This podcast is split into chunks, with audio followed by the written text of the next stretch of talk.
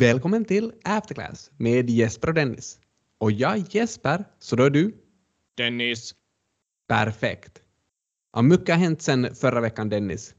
Till exempel så är ju inte Apple längre värd 3 triljoner. Eller biljoner. Eller biljoner som vi kanske borde säga. Vinden vänder. Det har börjat lysa lite rött. Fun fact om Apple. Vill du höra något sånt? Ja, absolut.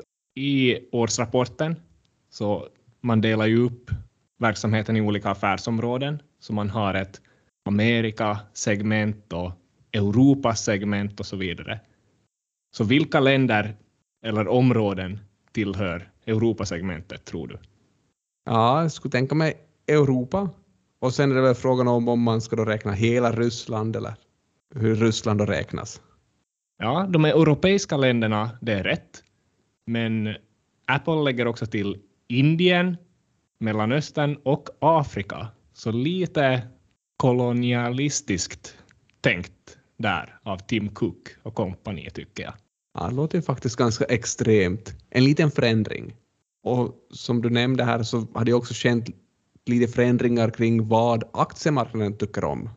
Och då har man egentligen gått från att tycka om kanske tillväxtbolag till att numera tycka åtminstone mindre om tillväxtbolag. Och det här kommer från någon typ av rädsla för framtida räntehöjningar och möjlig inflationsoro. Skulle man till och med kunna gå så långt och säga att vissa tillväxtbolag slaktas? Ja, men det skulle man väl absolut kunna säga. Har du några exempel? Ja, vi pratade ju någon gång om Rivian i USA och sa att det här är världens tredje största biltillverkare sett till marknadsvärde. De listades ju där i november och eh, man nådde väl ett, ett marknadsvärde på 150 miljarder dollar, vilket är ganska högt för ett företag med ingen försäljning och ingen vinst heller, och ingen vinst i sikte. Men eftersom du sa att det har blivit någon typ av slakt så jag gissar att marknadsvärdet inte längre är 150 miljarder. Nej, nu är nog bara hälften av värdet kvar. Vi är nu också mycket lägre än IPO-priset, som också var högt. Och det här är just ett sånt typiskt bolag där man, du sa det fanns knappt någon vinst i sikte heller. Så man, om man köper det här bolaget så förväntar man sig att de här vinsterna ska inträffa långt, långt, långt in i framtiden. Jo, och sen har också de senaste rapporterna varit något av en besvikelse, vad jag har förstått. Så Rivian är ju någon typ av extremfall i det här, i det här segmentet. Men det finns ju ganska många också nordiska bolag som är både närmare oss och kanske mycket bättre rent operativt än just Rivian. Jag tänker på bolag som jag menar, Mips, Swedencare, Blade har vi nämnt någon gång och till exempel ja. finländska QT Group. Det var ju ganska länge sedan förutspådde vi väl att det skulle bli en hejd på Blade. Och nu kanske den har kommit. Så Blade gjorde ju de här det är någon typ av dosor som man kan lägga bakom sin strömbrytare. Ja, lite automatisering där. Swedencare gör hundtillskott tror jag, eller djurtillskott. Så om man alltså. har noll hundar så kan man kontakta dem så får man en till. Nej, alltså till, tillskott till deras mat. Och sen då Mips som gör, gör en del av hjälmar. Vilken del? Det är en del som sitter på insidan av hjälmen och som i princip förhindrar just sådana här rotationsskador. Det kallas egentligen ett rotationsskydd. Det är faktiskt möjligt att se om man har en hjälm som har det här Mips rotationsskyddet eller inte. Eftersom att om man har en sån hjälm så kräver det här Mips-bolaget att hjälmen har ett klistermärke på sig, ett gult klistermärke där det står Mips. Ja, just det, man ser ju det där Mips-märket också på, på reklamblad om hjälmar, att man vill sälja hjälmar med Mips-märke på. Jo, och konsumenterna kanske vill ha just det här rotationsskyddet investerarna skulle ju också kanske behöva ett sånt där rotationsskydd. Just då, då, vi, då vi pratar om sådana här tillväxtbolag nu just då, som haft det lite kämpigt. Ja, tittar man på de här bolagen så hade de alla ett P-tal på över 100 i början av året. Nu har de kanske tappat 20 procent av priset. Men till och med fast de skulle tappa 50 procent av priset så skulle P-talet ändå vara 50. Så 50 låter ju inte heller billigt. Nej, så den här rotationen kanske är långt ifrån över. Mycket vatten ska rinna under bron förrän 2022 är över. 2021 avslutades ju bland annat med att Jesper Haga röstades in i OPs fullmäktige också. Och nu börjar jag fråga mig lite, vad fick vi? Jag vet inte, vad, vad blev utlovat? Ja, det var en väldigt tvivelaktig kampanj Svårt att säga vad som blev utlovat, men det som vi nu i alla fall har fått på vårt bord är en cyber, cyberattack. Det gick ju inte att logga in i nätbanken här häromveckan. Nej, man sa väl att man måste stänga ner den här nätbanken för att man ska kunna avvärja just den här cyberattacken. Nej, jag läste också att ingen har tagit på sig ansvaret för den här attacken. Men nu är det väl ändå Jesper Haga och fullmäktige som är ansvariga. Ja, fullmäktige är ju det här högst beslutande organet i banken. Men inte vet jag om vi ska ta på oss allt ansvar. För det är ju nog andra bolag också som har drabbats av just sådana här cyberattacker. Nåja, kanske du har rätt. Kanske du har rätt. Vestas såg jag, det här vindturbinsbolaget från Danmark. De hade ju en attack i november där de egentligen säger att attackeraren misslyckades, även om lite data stals och så vidare. Men det hände ingenting med uh, verksamheten i stort. Inga vindkraftverk som löpte amok. Det är väl tur. De har väl stått ganska stilla här den senaste tiden, så det kanske inte var så stort problem. Vindkraftverken alltså. Jag läser det här att Vestas är en sån där så kallad bellwether i den här branschen. Och vad betyder en sån här bellwether? Alltså jag hade ju länge ganska svårt att förstå det här ordets betydelse, uh, även om jag läste om det i mycket forskningsartiklar och så vidare. Det var bellwether hit och bellwether dit. Men uh, i nuläget nu, jag förstår nu att jag kanske själv är någon form av bellwether. Snälla, snälla förklara för oss hur du har kommit fram till den här slutsatsen. Alltså det är ju en form av ledare, det här med bellwether. Man är en ledande företag om man är ett bellwether-företag. Är det faktiskt definitionen på bellwether? Har du någon bättre då? Jag tar upp just definition på bellwether att, eh, att termen egentligen kommer från det här. Det blir på engelska det här. The term derives from the Middle English bellwether and refers to the practice of placing a bell around the neck of a castrated ram leading a flock of sheep. Ja, just den här definitionen så skriver jag inte under, Utom jag tänkte mer på den där senare parten, ledande i något slag. Men tillbaka till Vestas. En person på insidan säger att man har börjat upp, öppnat upp systemen vartefter här så att det har varit lite problematiskt att jobba om man använder många olika eh, äh, IT-system i företaget. Jag såg att företaget rapporterade om den här attacken sent, sent en fredag kväll. Måndagen därpå handlades aktien på två veckors lägsta.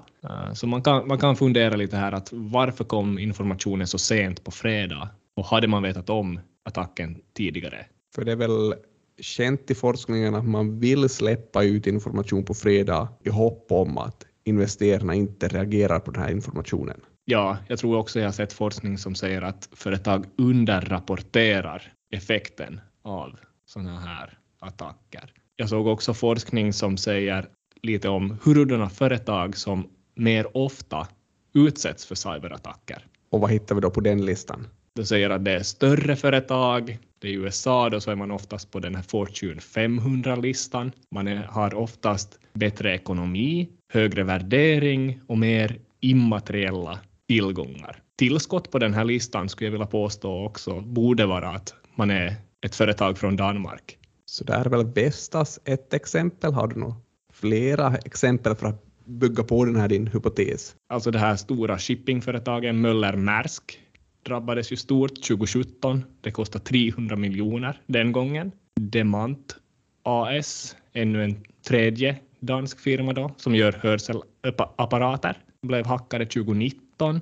Sen har vi den här städgiganten ISS AS, fick sig 2020. Så jag vet inte, vad, vad är det med de här danskarna? Har de inte F-Secure? Ibland känns det ju som att inte F-Secure heller hjälper, för jag tror att Kalix kommun som hackades här i december faktiskt hade F-Secure på sina apparater. Kommunen drabbades ju av en sån här ransomware-attack. En attack där någon låser hela kommunens datasystem och egentligen ber om en lösensumma för att man ska öppna upp det här systemet igen. Så det här slog ju ut hela Kalix kommuns verksamhet. Det fanns anställda som klagade på att man slipper inte ens åt journalerna. och då menar man sådana här JFI och TAR och det är väl sånt de läser. Eller så kan det ha varit sådana här medicinska journaler som man inte slapp åt. Journal of Medicine. ja, eller journaler om patienter kanske, man, kanske det heter. Det fanns också andra rent praktiska saker som till exempel att de, decemberlönen inte betalades ut till de anställda. så inga julklappar i Kalix. Ja, man, man börjar ju fundera lite, vad, vad skulle hända om, om el, elförsörjningen eller vattenförsörjningen skulle slås ut via en sån här attack i ett större område? Hur sårbara är vi egentligen?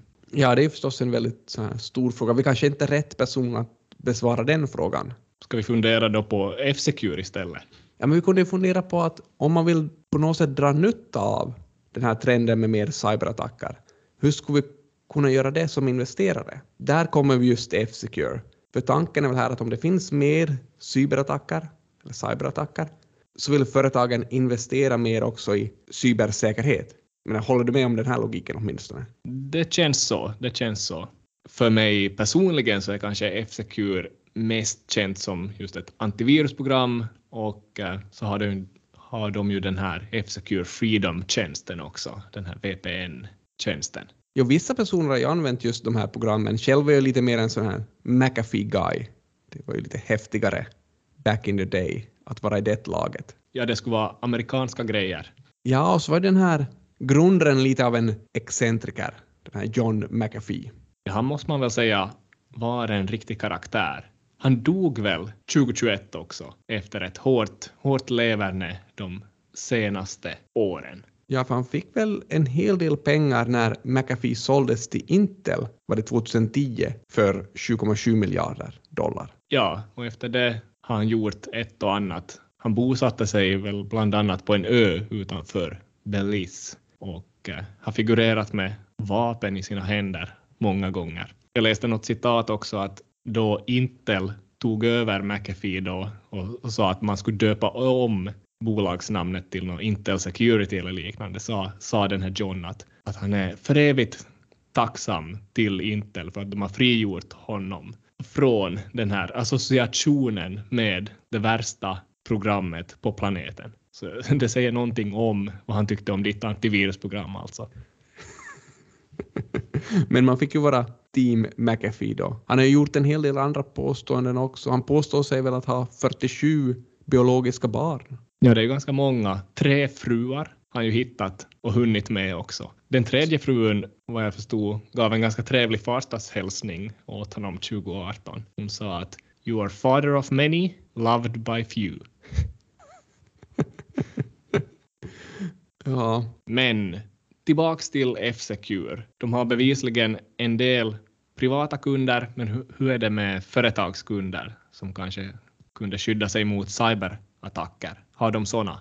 Ja, alltså 55 procent av omsättningen går just till sådana här business to business, alltså till företagen. Och då är ju 45 procent till, till privata konsumenter då, resterande delen. Så ganska 50-50. Om man läser F-Secures rapporter så vill de ju hellre lyfta fram den här business to business-sidan, alltså att man säljer till andra företag, än att de lyfter fram den här försäljningen till konsumenter. Men om man riktigt börjar titta på den här försäljningen till andra företag och hur den utvecklas över tiden så ser det inte ut som det går så jättebra för F-Secure på den sidan. Tillväxten inom det här segmentet var negativt mellan 2019 och 2020. Fram till Q3 2021 så har vi sett en ungefär 8 i tillväxt inom just det här segmentet. Man tycker att om man ligger i framkant, det talas om cyberattacker nu, så borde man inte se en större tillväxt just inom det här då? Ja, det tycker man verkligen.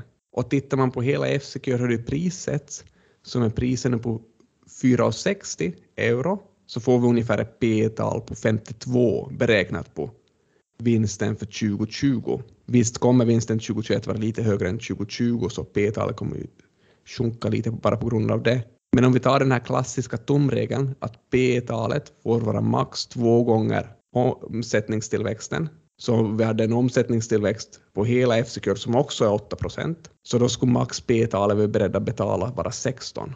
Och det är betydligt lägre än just det här 52. Så summa summarum, vi skulle tacka nej till F-Secure i nuläget. Ja, åtminstone i nuläget. Men finns det någonting vi skulle vilja tacka ja till? Ja, vi tackar väl ja till ett nytt avsnitt och nya insikter nästa vecka i After Class.